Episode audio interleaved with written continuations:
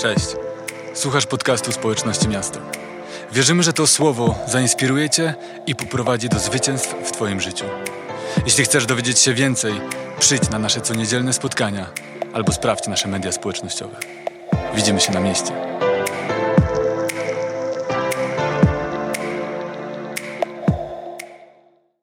Was wszystkich powitać w nowym roku. Bardzo cieszę się, że jesteśmy z powrotem. Mam nadzieję, że miałeś dobry czas świąt, Sylwestra w domowym gronie. Mam nadzieję, że, że miałeś czas na reset, na przygotowanie się na nowy rok, a my dzisiaj zaczynamy nową serię o poście i modlitwie. A więc y, gruby temat.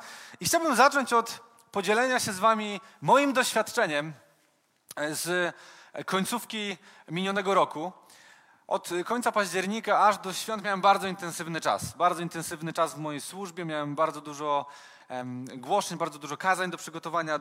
Duży wysiłek i fizyczny, i taka praca intelektualna. Oprócz tego dużo spraw organizacyjnych w kościele, jakichś dusz, duszpasterskich. Oczywiście dużo zaangażowania w domu przy naszych dwóch cudownych chłopakach, Rubenie i, i Marcelu. I do tego jeszcze moja żona rozpoczynała jakieś swoje działania biznesowe związane e, z byciem grafikiem, więc dużo spraw, które po prostu absorbowały naszą uwagę i wymagały dużego wysiłku, więc miałem takie poczucie, że chcę wytrzymać na tych dużych obrotach do świąt, ale w świętach chcę mieć czas odpoczynku. I rzeczywiście udało mi się na tych obrotach wytrzymać do świąt i bardzo się cieszę, bo dobry owoc był tego wszystkiego, co robiliśmy e, w końcówce minionego roku. Przyszedł czas y, świąteczny. Ten tydzień świąteczny rzeczywiście był czasem zwolnienia i odpoczynku, na tyle, na ile da się odpocząć z dwójką małych chłopaków. I miałem takie poczucie, że po tym tygodniu świątecznym wrócę na ten ostatni tydzień roku i będę miał takie nowe siły i na petardzie wejdę w nowy rok, przygotuję nową serię, przygotuję się na wszystkie wyzwania, odbiorę wizję od Boga, po prostu wjadę jak walec w ten nowy rok. I zaczął się ten tydzień, ostatni, ostatni tydzień 2020 roku i wiecie, była ekscytacja, była nadzieja, była pasja, ale brakowało mi fizycznych sił i mentalnych. Ten czas tygodnia nie był wystarczający na to, żeby teraz się zregenerować i to utwierdziło mnie w tym, że potrzebuję nowego źródła energii, nowego, nowego sposobu odnawiania energii. I to mnie przekonało do tego, że że post i modlitwa właśnie jest tym tematem, że, że to jest to, w co chcę zainwestować w tym roku i w to, co muszę zainwestować, jeśli chcę na tych obrotach wytrzymać. I powiem wam, że amen, że jeszcze nigdy nie byłem tak bardzo podekscytowany tym, jak będę przeżywał daną serię z Kościołem. Jak będę przeżywał daną serię z Kościołem, jak właśnie teraz, na początku 2021 roku. I z tym tematem postu i, i modlitwy skojarzyło mi się, wiecie, nowy rok, nowy ja, nowy rok, nowy post. I, I, pomyślałem sobie o tym, że trochę skojarzyło mi się to właśnie z pisaniem nowych postów.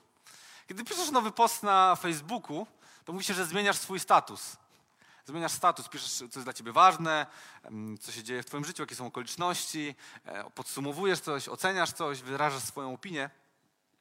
I myślę sobie o tym, że przychodząc w poście i modlitwie do Boga, pozwalasz Mu, aby On zmieniał status Twoich okoliczności, aby On zmieniał status Twoich zmagań, Twoich wyzwań. Przychodzisz do Niego i pozwalasz Mu, aby On pisał Twoją historię na nowo. I myślę, że tego właśnie chcemy w tym roku. Aby Bóg pisał tę historię, a nie my sami. Aby Bóg napisał 2021 rok, aby On torował Ci drogę do błogosławieństw, aby On torował Tobie drogę do wszystkiego tego, czego potrzebujesz w tym roku. Aby On posyłał swoich aniołów aby oni przygotowywali dla ciebie to, co jest jego wizją. Jestem tym podekscytowany. Dlatego zamiast życzyć Tobie szczęśliwego nowego roku, wiesz, to wszystko zależy od tego, czy będziesz miał szczęście, czy fatum i fortuna będą Tobie sprzyjały. Nie, tak nie jest. Więc zamiast szczęśliwego nowego roku chcę Ci życzyć szczęśliwego nowego postu. Dlatego, że są narzędzia, które są skuteczne i które poprowadzą Cię do błogosławieństwa w tym roku 2021. Szczęśliwego nowego postu. Taka jest nasza seria, taki tytuł nosi nasza seria. Wiecie, post jest sposobem, który uwalnia moc i błogosławieństwo w naszym życiu. Post to narzędzie, które prowadzi Ciebie do miejsca, w którym masz właściwą koncentrację. Owocność Twojego życia się zwiększa. Możesz wypełniać Boże cele w Twoim życiu. Post zawsze uwalnia moc i błogosławieństwo. I wiecie, Post to jest sposób, z którego korzystało naprawdę wielu biblijnych bohaterów. I to jest bardzo ciekawe, dlatego że my oczywiście kojarzymy post Jezusa, znaczy większość z nas, jak nie kojarzysz, nie przejmuj się, ale jest to znany post 40-dniowy. E, Posty Mojżesza, post Daniela. To są znane, znane posty i motywy postu z Biblii. Ale co jest ciekawe, kiedy zacząłem przygotowywać tę serię i studiowałem dużo głębiej temat postu, to zobaczyłem, że prawie wszyscy bohaterowie biblijni pościli, korzystali z tego narzędzia. To nam umyka. Dlaczego? Dlatego, że czasem to jest tylko jedno słowo. On robił to, to, to, to, to i pościł. Albo pościł, e, coś się działo ważnego i oni przez dwa dni pościli, albo trzy dni pościli. Jakby czasem to jest jedno zdanie, ale okazuje się, że mimo wszystko ci bohaterowie biblijni korzystali z tego narzędzia. I to jest coś dla mnie bardzo ważnego. Zobaczcie, na przykład Daniel, tak jak mówiłem, to jest znany znany przykład. Daniel e, pościł e, i wiemy o tym, że kiedy on pościł, dokonywała się duchowa walka. Że ten posłaniec, który miał e, przyjść z, z tym objawieniem, on był zablokowany, ale ten post uwolnił to Boże przesłanie i doprowadził do wypełnienia się Bożych celów, ale dał mu też niezwykłą mądrość i wpływ w tamtych czasach i, i w imperium, w którym, w którym doradzał władcy. Ezdrasz Ezrasz na przykład pościł wtedy, kiedy miał wyruszyć y, z całą ekipą do Jerozolimy, aby zacząć odnowę tego miasta. I co jest ciekawe, on zaczął post całą swoją świtą, ponieważ wolał pościć zamiast prosić króla o eskortę. I to jest niezwykłe, ponieważ ten post sprawił, że Bóg przeprowadził ich przez tę niebezpieczną podróż bez żadnego szwanku, bez żadnego zagrożenia. Dał im właściwy, właściwy moment startu, wskazał, właściwy czas, właściwe tempo, właściwą trasę. To wszystko sprawiło, że dotarli bezpiecznie. Estera. Estera też pościła. Nie wiem jak wy, ale ja kiedy słuchałem kazań, kiedy sam mówiłem kazania na temat Estery, to raczej nie w kontekście postu. Raczej jest to po prostu pewien mały wątek w całej tej historii, ale wtedy, kiedy ona miała iść do króla i przekonać go, aby on zmienił swoje zdanie, zmienił swój dekret, aby, on, aby ten dekret, który był na niekorzyść, który sprawiał, że Żydzi byli prześladowani, został zmieniony. Ona wtedy poprosiła, ona sama pościła i poprosiła Żydów, którzy byli wokół niej, aby oni również pościli. A więc pościli po to, żeby Bóg utorował drogę e, jej do króla. Oczywiście to było zagrożenie życia, żeby ona w tamtym czasie poszła do króla, żeby ona z nim rozmawiała, przekonywała go, ale pościli i Bóg utorował tę drogę i mogła przekonać króla i ta historia potoczyła się dokładnie tak, jak Estera o to prosiła. Wszyscy korzystali z tego samego narzędzia, którym był post. Wszyscy korzystali z narzędzia, które pozwalało im sięgać po niezwykłe rzeczy dla Bożego Królestwa. W księdze Joela czytamy o tym, że Bóg będzie błogosławił Izrael, że da niezwykłe plony, że zapełni ich spichlerze. Czytamy o tym dalej w trzecim rozdziale, pierwszym wersecie, że Wyleję mojego ducha na wszelkie ciało, wasi synowie i córki będą prorokować, wasi starcy będą mieli sny, a wasza młodzież widzenia. A więc w księdze Joela Bóg zapowiada, że zapewni błogosławieństwo materialne, ale również duchowe, że wyleje nowe namaszczenie w tych dwóch wymiarach. Czytamy tam, a potem wyleję mojego ducha. I nie wiem, czy zastanawialiście się, co to jest to potem, znaczy po czym. Jeśli cofniemy się wcześniej, to zobaczymy, że te wszystkie błogosławieństwa materialne i duchowe są następstwem i wynikiem czego? Postu, który Bóg zarządził w Izraelu. To jest niezwykłe. Zobaczcie, Daniel, Ezdrasz, Estera, cały Izrael. Bóg uwalnia błogosławieństwo w ich życiu. Bóg toruje im drogę. Ale co z tym narzędziem, co sprawia, że to błogosławieństwo i to namaszczenie może stać się rzeczywistością? Post. Post jest tym, co prowadzi, tym, co toruje drogę do naszych zwycięstw, do naszych przełomów. To jest niezwykle ważne. Jakuba, czwarty rozdział, ósmy werset. Czytamy, zbliżcie się do Boga, zbliży się do was. Na tym polega post. Modlitwa i post sprawiają, że szukanie Boga staje się najważniejsze. Tworzysz przestrzeń w swoim życiu. Zbliżasz się do Boga, wyrzucasz pewne rzeczy ze swojego życia, tworzysz się przestrzeń na to, żeby Bóg mógł ją zapełnić. I czym Bóg zapełnia tę przestrzeń? Bóg zapełnia tę przestrzeń swoim błogosławieństwem, swoją wizją, swoimi przełomami, zwycięstwami, łaską, miłością, dobrocią, darami duchowymi, nowym namaszczeniem. On wylewa swojego ducha. Post jest tym, co toruje do tego drogę. Wiecie, to mnie niezwykle ekscytuje. Myślę sobie, jak, jak wiele jest wartości, jak wiele jest jeszcze rzeczy, które mogę odkryć przez narzędzie, które jest tak oczywiste i tak łatwo dostępne. W czym tkwi w takim razie problem? W czym tkwi problem? Dlaczego nie jest tak, że wszyscy chrześcijanie są uzależnieni od tego, żeby pościć? Że po prostu nic bym nie robił, tylko pościł. Dlaczego tak nie jest? W Marka 9 rozdziale mamy bardzo, historię, która bardzo dobrze wyjaśnia, dlaczego właśnie tak nie jest. W Marka 9 rozdziale czytamy o tym, że Jezus e, był na górze przemienienia razem ze swoimi najbliższymi uczniami, Janem, Jakubem i Piotrem. Byli tam, e, doświadczyli niezwykłych rzeczy i kiedy już wracali, to zobaczyli, że pozostali uczniowie są w jakimś zamieszaniu z faryzeuszami, z jakimiś ludźmi, że jest jakaś dyskusja, że coś tam się dzieje, przekrzykują się i tak dalej.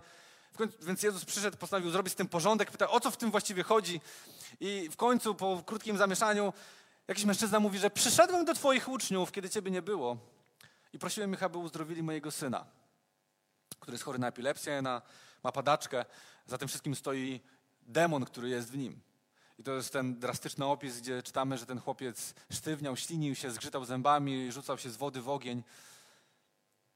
Oni nie mogli go uzdrowić i zaczęła się kłótnia, awantura między faryzeuszami, między uczniami, ludźmi zgromadzonymi. Jezus oczywiście uzdrowił tego chłopca, jak czytamy dalej. Ale to było zaskoczenie dla uczniów. Zaskoczenie było to, że nie mogli go uzdrowić. Dlaczego? Dlatego, że trzy rozdziały wcześniej czytamy, że Jezus udzielił im już autorytetu do tego, aby panowali nad demonami, aby panowali nad e, wszelkim duchem, aby uzdrawiali chorych i robili to bardzo skutecznie. Robili to bardzo skutecznie, dlatego teraz nagle okazuje się, że nie jest to możliwe. Byli zaskoczeni, byli też urażeni. Dlatego wywiązała się dyskusja z faryzeuszami. Dla faryzeuszy to była woda na młyn. No właśnie, oni nie mają mocy. W końcu nie mają mocy, moc się skończyła, to były jakieś czary. Więc byli bardzo urażeni, byli zaskoczeni, byli zdziwieni, może zasmuceni. Zresztą Jezus nie wyraził również swoje zdenerwowanie, kiedy ta sytuacja miała, jak długo z wami jeszcze będę, narodzie niewierny. I w dziewiątym rozdziale 28-29 werset czytamy takie słowa. Gdy przyszedł do domu, jego uczniowie pytali go na osobności. Dlaczego my nie mogliśmy go wyrzucić? Powiedział im, ten rodzaj może wyjść tylko przez modlitwę i post. I teraz na podstawie tych słów Jezusa powstało wiele różnych teorii. Czy w takim razie jest jakaś modlitwa i post, która mają ta, które mają tajemną formułę, którą trzeba odkryć? No nie. To byłoby absurdalne, ponieważ nigdzie w Biblii nie ma wyjaśnionego tego, co to byłby za szczególny rodzaj modlitwy i postu, który by wyganiał akurat te szczególne demony.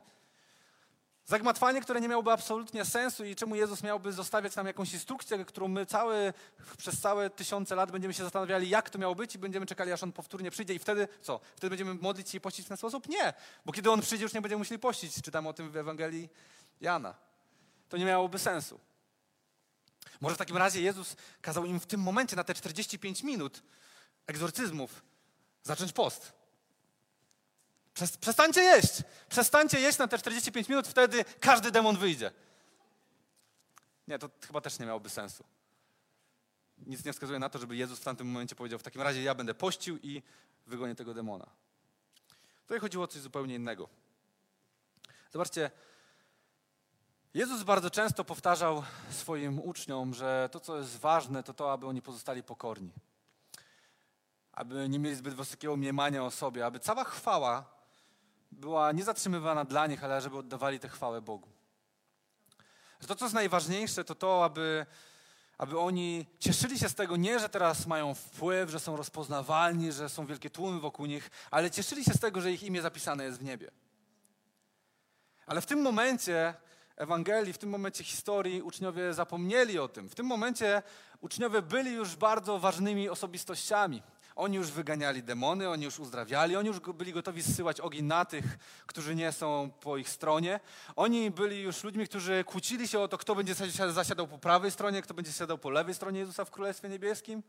Oni byli tymi, którzy kłócili się, kto jest największy spośród nich. Ale Jezus mówił, nie o to chodzi. Lepiej bądź ostatnim, bo ostatni będą pierwszymi, lepiej bądź najmniejszym wśród tych największych. I oni byli w miejscu, w którym już zgrywali kozaków, w którym już uważali, że oni naprawdę mają moc i autorytet i szczycili się tym. I Jezus w tym miejscu nie mówi o tym, że teraz powinniście przestać jeść, albo że jest jakiś szczególny rodzaj modlitwy albo postu, ale on mówi o tym, o czym oni zapomnieli. Powinniście pozostać pokorni, powinniście pozostać w oddzieleniu dla Boga, powinniście być w modlitwie, trwać w poście i być blisko Boga. A Bóg, który widzi to, co w ukryciu, odda wam. Zapomnieliście, że chwała należy się Bogu, a nie wam. Modlitwa i post. Problem nie polegał na tym, że nie było narzędzi, ale na tym, że oni nie korzystali z tych narzędzi. I myślę, że to jest problem, który jest w naszym życiu. Problem nie polega na tym, że my nie mamy narzędzi do tego, żeby skutecznie żyć, żeby nasze życie duchowe było skuteczne, żeby było owocne. Problem polega na tym, że nie korzystamy z tych narzędzi. I post jest jednym z tych narzędzi, które uważam, że jest bardzo zaniedbane w duchowym życiu wielu chrześcijan. Myślę sobie o tym, że nawet kiedy czasem pościmy, to, to i tak to jest ta praktyka, która jest najrzadsza w naszym życiu. Zobaczcie, ile mamy serii o modlitwie, ile mamy serii o hojności, ile mamy serii o związkach, ile mamy serii o zbawieniu, a ile mamy serii o poście. Nie jest tak łatwo, że sobie wpisujesz seria o poście i masz po prostu full do wyboru. Znacznie mniej jest tego.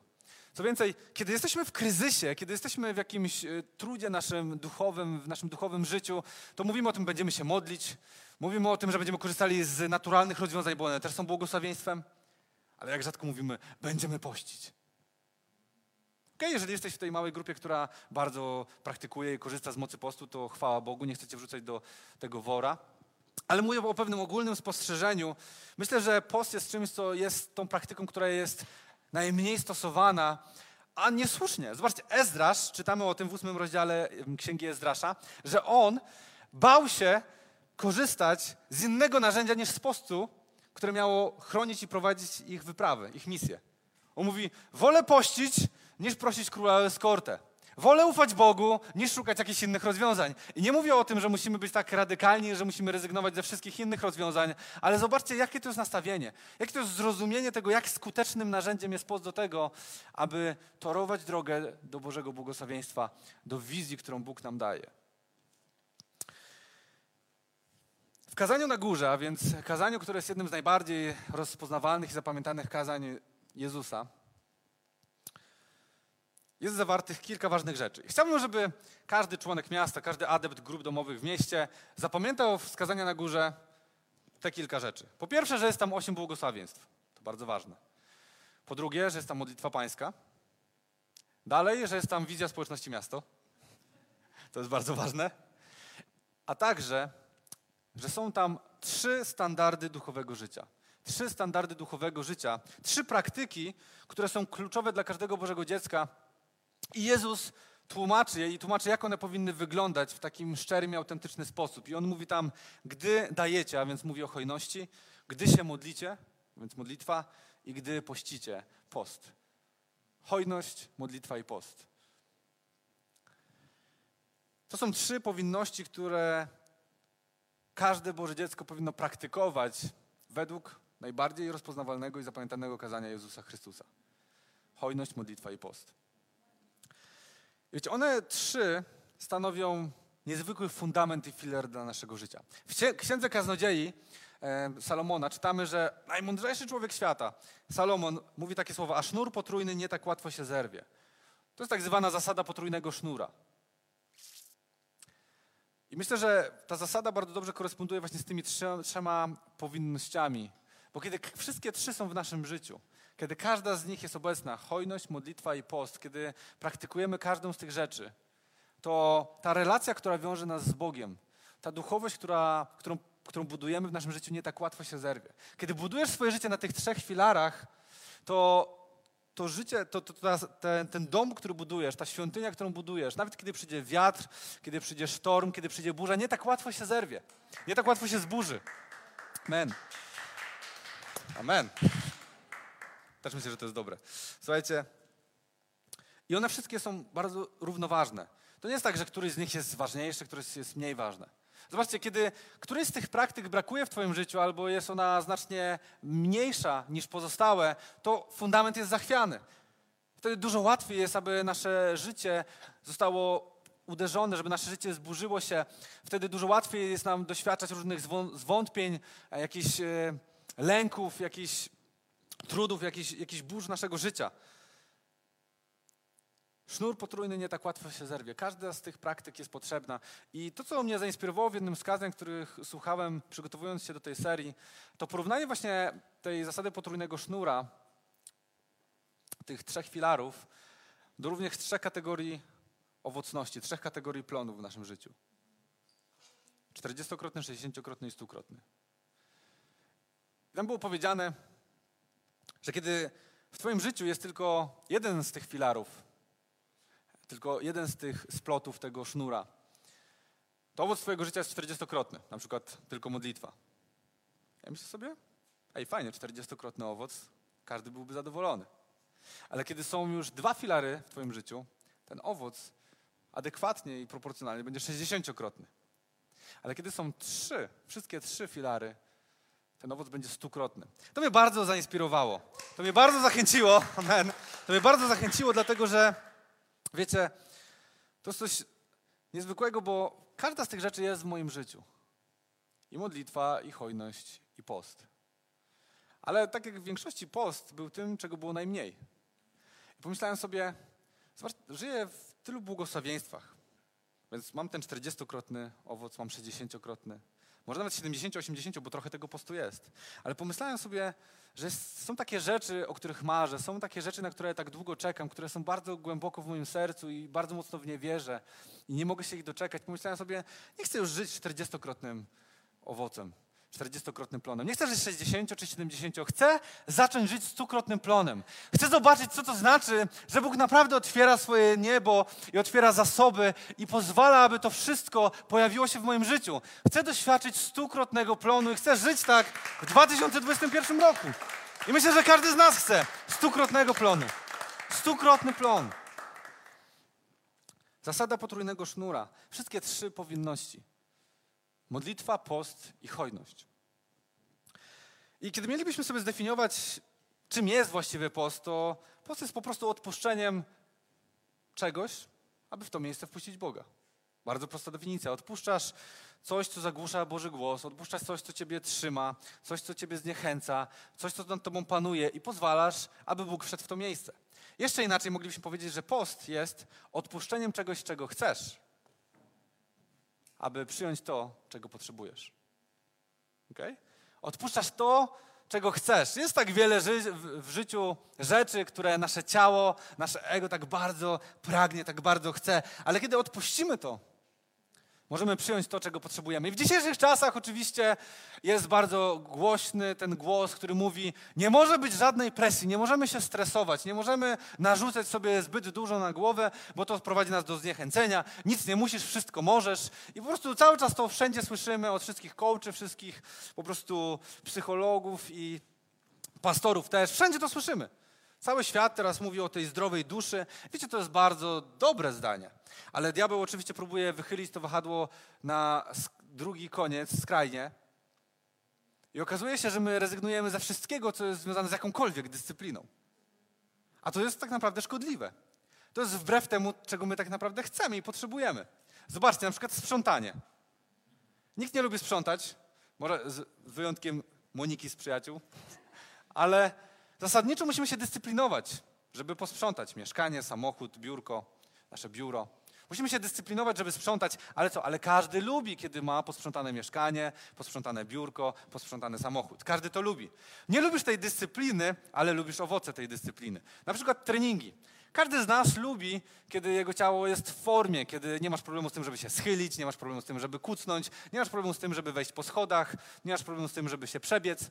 To jest bardzo dobre i każdy z nas to lubi, ale nikt nie lubi treningów. Nikt nie lubi, kiedy palą go mięśnie. Nikt nie lubi trenować tak, że jedyne, co ma ochotę zrobić po treningu, to iść do szatni i puścić pawia. Wiem coś o tym, bo trenuje mnie Michał Semionka, więc... Nikt nie lubi takich doświadczeń. Niestety w ostatnim roku miałem ich sporo, ale, ale każdy z nas lubi, kiedy jego ciało jest w formie i kiedy nie ma problemu z tym, żeby wejść po schodach. Każdy z nas to lubi. Dalszy przykład, na przykład remont. Nie lubimy remontu. Dlaczego? Bo kiedy jest remont, to wszędzie jest bałagan, wszędzie jest pył, wszędzie jest brudno, wszędzie jest coś stoi pod nogami, ściany są sprute, podłogi są zerwane. I właściwie cały czas jesteśmy zestresowani, dlatego że musimy mieścić się w budżecie, a nigdy nie mieścimy się w budżecie, musimy mieścić się w czasie, a nigdy nie mieścimy się w czasie. Nikt nie lubi doświadczenia remontu, ale każdy z nas lubi wprowadzić się do świeżutkiego, wyremontowanego mieszkania. I zobaczcie, tak samo jest z postem. Post nie jest czymś, co lubimy.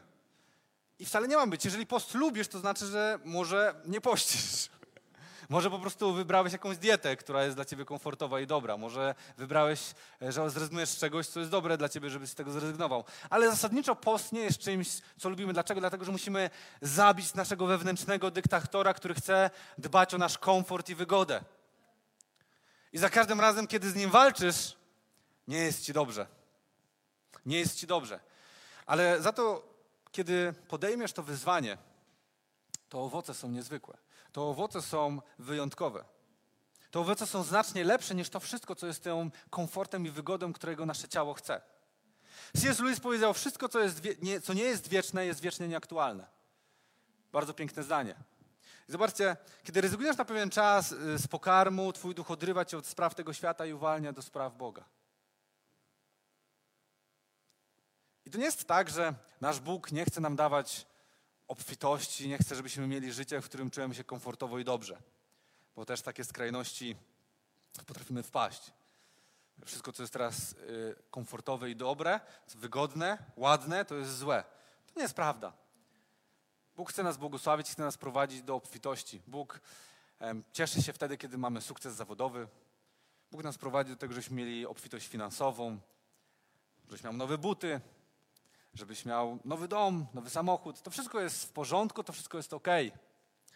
Ale zasadniczo nowy dom to tylko nowy dom. Ostatecznie sukces zawodowy to tylko sukces zawodowy. A nowe buty to wciąż tylko nowe buty. Nowe buty ciebie nie uwalniają, nie zbawiają. Twój sukces zawodowy nie jest tym, co daje tobie wieczność. Nowy samochód nie jest tym, co zbawia. Ale są rzeczy, które potrafią być wieczne, które są wieczne, które potrafią Ciebie zbawić, uwolnić i doprowadzić do błogosławieństwa. A post jest tym, co prowadzi Cię do tych wiecznych nagród. Wszystko, co nie jest wieczne, jest wiecznie nieaktualne. Ale post prowadzi Cię do tych nagród, które są wieczne i są zawsze aktualne. I stoisz u progu 2021 roku i na pewno przed Tobą są jakieś wizje, są jakieś marzenia, jakieś wyzwania, może jakieś bitwy, które musisz stoczyć w tym roku.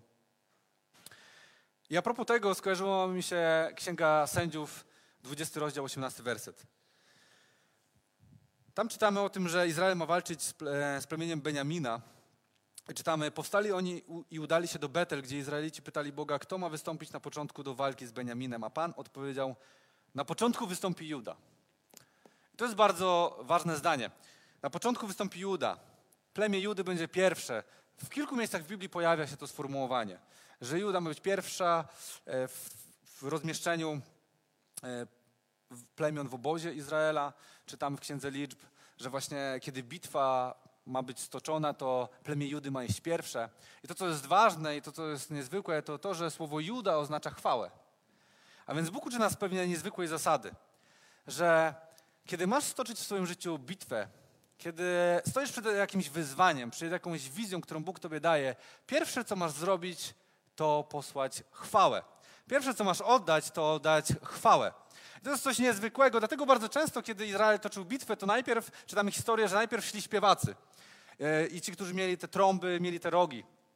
Oni oddawali Bogu chwałę i to było ich pierwszy atak, pierwsze uderzenie. Dlaczego? Dlatego, że przed nimi miał iść ten, który miał wygrać tę bitwę. I zobaczcie, kiedy zaczynasz rok od postu, to tak samo jak zaczynasz dzień od modlitwy albo miesiąc od oddania dziesięciny. Zaczynasz od czego? Od tego, że oddajesz Bogu chwałę. Oddajesz Bogu chwałę, kiedy zaczynasz dzień od modlitwy, to oddajesz Bogu chwałę i ustawiasz się we właściwej pozycji. Każda bitwa, każda godzina, którą masz przeżyć, ona będzie poświęcona Bogu. Kiedy zaczynasz miesiąc od oddania dziesięciny, to oddajesz pierwszą część Twoich finansów, pierwszą część Twoich zasobów, twojej, każdej Twojej złotówki oddajesz Bogu. Dlaczego? Dlatego, że każdy pieniądz, który zarobisz w tym miesiącu, każdy pieniądz, który wydasz w tym miesiącu, on ma być oddawać Bogu chwałę. On ma być tym, co będzie przynosiło Bogu chwałę. I kiedy zaczynasz rok od postu, tak samo ustawiasz się we właściwej pozycji i oddajesz Bogu chwałę. Ustawiasz się w tym miejscu, w którym Bóg ustawia Twoją właściwą perspektywę, właściwy tor i właściwy sposób myślenia, właściwe nastawienie na cały kolejny rok. I z tym wiąże się bardzo znane zdanie Mateusza 6,33. Szukajcie najpierw Królestwa Bożego i Jego sprawiedliwości, a wszystko inne będzie wam dodane. To jest właśnie nasza praktyka. Oddajemy Bogu każdy nasz dzień, oddajemy Bogu każdą naszą złotówkę, oddajemy Bogu każdy, każdy nasz miesiąc, każdy dzień tego roku. Ustawiamy się we właściwej, we właściwej perspektywie, we właściwym nastawieniu, dlatego że chwała idzie pierwsza. Najpierw oddajemy Bogu chwałę. To jest jedyne, co możemy Mu dać. Nie ma nic innego, co moglibyśmy Mu dać oprócz chwały, dlatego za każdym razem, w każdym obszarze, pierwsze, co możesz zrobić, jeśli czekasz na jakiś przełom, to oddaj Bogu chwałę. I słuchajcie, co konkretnie daje post? Żebyś, żebyś, żebyś mógł mieć takie przekonanie, żeby to nie było tylko takie mówienie pewnych ogólnych sformułowań, ale żebyśmy spojrzeli na Biblię i zobaczyli, jakie są konkretne owoce e, postu. Chcecie tym zachęcić. Naprawdę chcecie tym zachęcić, nie będę udawał. Chcę zachęcić Ciebie do tego, żebyś pościł e, tym, że będę mówił o tym, co konkretnie daje post, dlatego, że po prostu Biblia też nas do tego zachęca. I Biblia też daje nam konkretne obietnice i konkretne wnioski w tym temacie. Po pierwsze, post wyrywa Ciebie z rutyny. Zobaczcie, w świecie, który bardzo pędzi, w świecie, w którym mamy tyle obowiązków, tyle rzeczy, nasz grafik jest bardzo napięty, potrafimy żyć w taki sposób, że po prostu wstajemy każdego dnia, robimy śniadanie, idziemy do pracy e, i po pracy robimy zakupy, robimy potem w domu obiad, później oglądamy Netflixa, idziemy spać i potem kolejny dzień. Dni potrafią zamienić się w tygodnie, tygodnie w miesiące, miesiące w lata i okazuje się, że mamy w końcu 60-70 lat. Nagle budzimy się, bo wiemy, że wkrótce umrzemy i zastanawiamy się, patrząc na swoje życie, co właściwie nasze życie miało za znaczenie? Po co właściwie żyliśmy? I wiecie, post ma nas wyrwać z takiej rutyny, ma nas obudzić w takim miejscu, żebyśmy nie okazało się, że na koniec swojego życia budzisz się i nie wiesz właściwie po co żyłeś. Masz wyrwać się z rutyny. W jaki sposób? Bardzo praktyczny i bardzo konkretny, bardzo cielesny. Dlatego, że wstajesz następnego dnia, kiedy zaczynasz post i co? I nie robisz śniadania. I nie robisz śniadania. Już jest coś innego. Potem idziesz do pracy i co? i boli cię brzuch z głodu. I boli cię głowa, jesteś zmęczony. Przynajmniej przez pierwsze dni postu. Tak właśnie jest, ale to ma nas wyrwać z pewnej rutyny, wyrwać nas, wprowadzić pewne zamieszanie. Potrzebujemy czasem takiego potrząśnięcia i post właśnie nam to daje. Post sprawia, że nagle zaczynamy żyć w trochę inny sposób przez jakiś czas. Co najważniejsze, post zawsze musi być połączony z modlitwą. I wtedy, kiedy jesteś wyrwany z tego swojego trybu, tego pędu, gdzie każdy e, dzień idzie za dniem, tydzień za tygodniem, miesiąc za miesiącem, nagle okazuje się, że jesteś wyrwany z tego i masz wyznaczony czas każdego dnia na to, żeby spotkać się z Bogiem. Ale nie spotkać się z Bogiem pośród tego całego zgiełku, ale spotkać się z Bogiem, kiedy jesteś już wyrwany, kiedy już jesteś wstrząśnięty i zmieszany tym, że cały czas jesteś głodny, że cały czas jesteś e, jakiś nieswój. To jest bardzo konkretna rzecz, którą daje ci post. I wiesz, może jesteś zadowolony ze swojego życia i ten argument do ciebie nie przemawia, ale myślę, że wielu z nas jest w miejscu, w którym zastanawia się, co właściwie mam robić w swoim życiu. Jakie jest moje powołanie? Dokąd zmierzam? Chcę ci powiedzieć, nie ma nic lepszego niż wejść w miejsce, w którym pozwolisz, aby Bóg potrząsnął tobą, aby Bóg obudził ciebie, aby Bóg, wyrwał, aby Bóg wyrwał cię z rutyny i z miejsca, w którym wydaje ci się, że już naprawdę nie wiesz, dokąd zmierzasz. Post wyrywa z rutyny. Po drugie, post zwiększa zasięg. Post zwiększa zasięg, bo często nie potrafimy usłyszeć Bożego głosu. Mamy takie poczucie, że modlimy się, my coś mówimy, ale Bóg w ogóle nie odpowiada.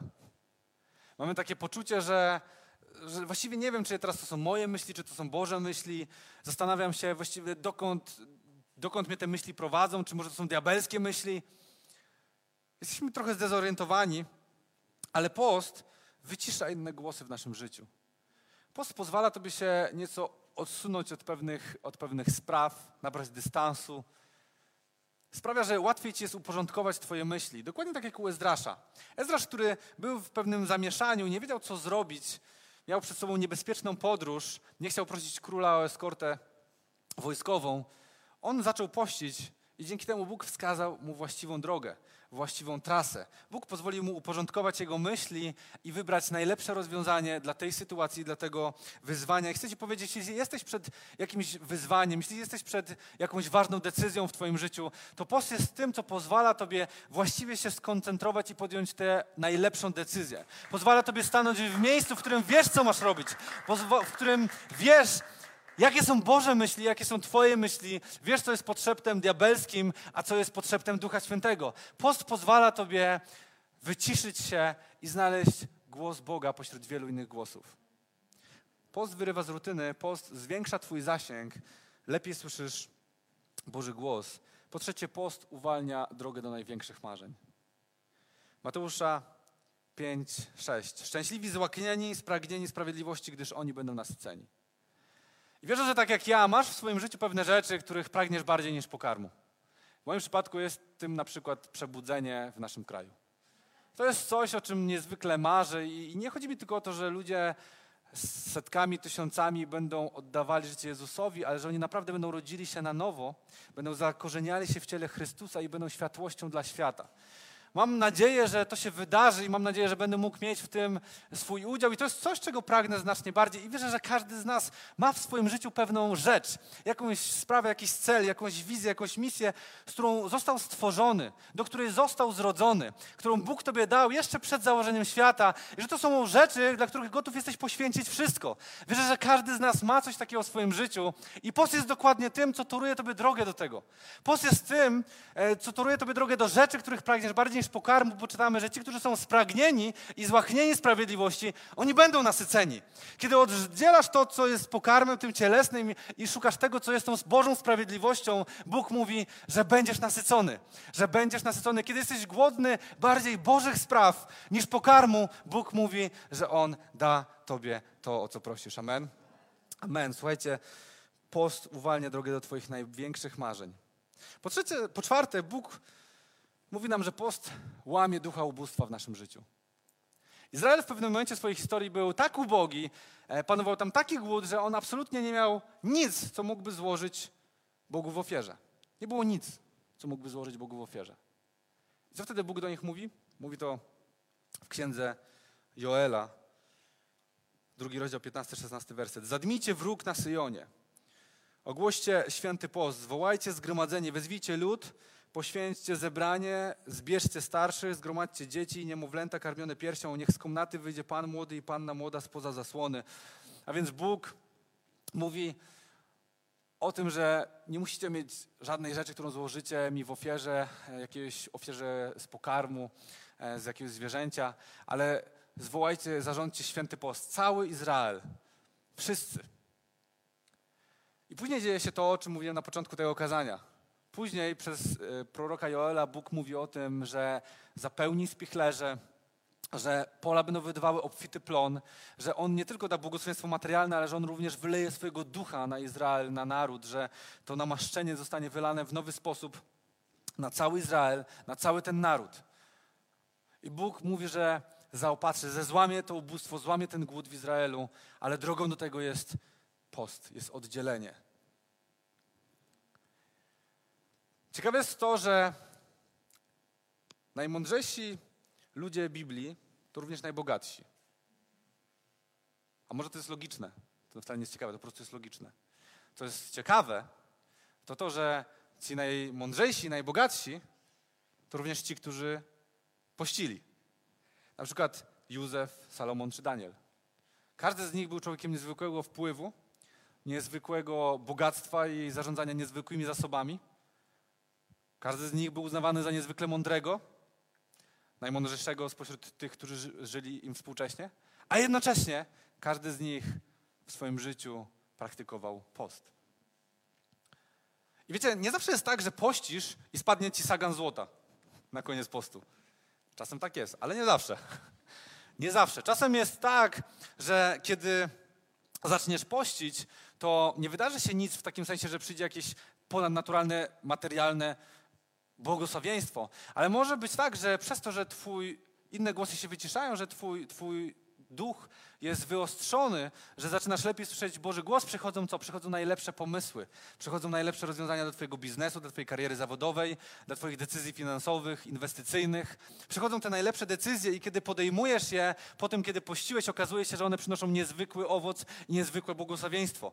Dlatego, że post przynosi również mądrość. Przynosi mądrość, ponieważ słyszysz Boży głos i to pozwala Tobie podejmować właściwe decyzje finansowe. I ostatnia rzecz, post przynosi uzdrowienie. W jednym z, naj, z fragmentów Pisma Świętego, który najszerzej mówi o praktyce postu, o tym, jak ona powinna wyglądać, to jest Izajasza 58.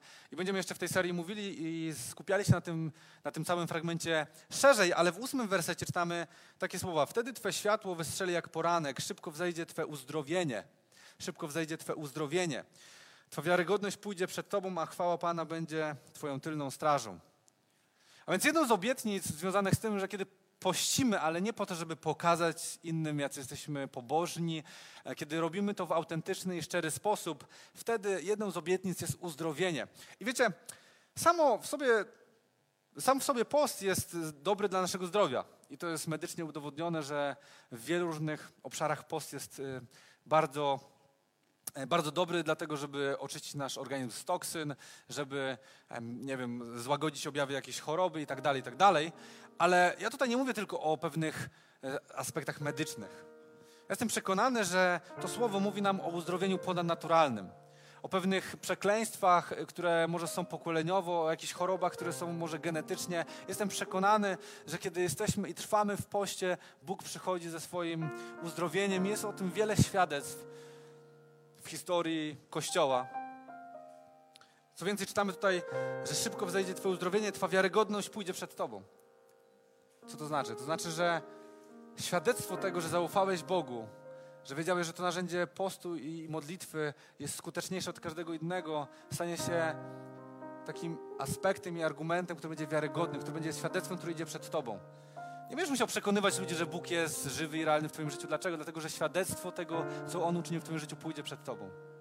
A więc post wyrywa Ciebie z rutyny, post zwiększa Twój zasięg, post uwalnia Ciebie do największych marzeń, post łamie ducha ubóstwa i post przynosi uzdrowienie. I teraz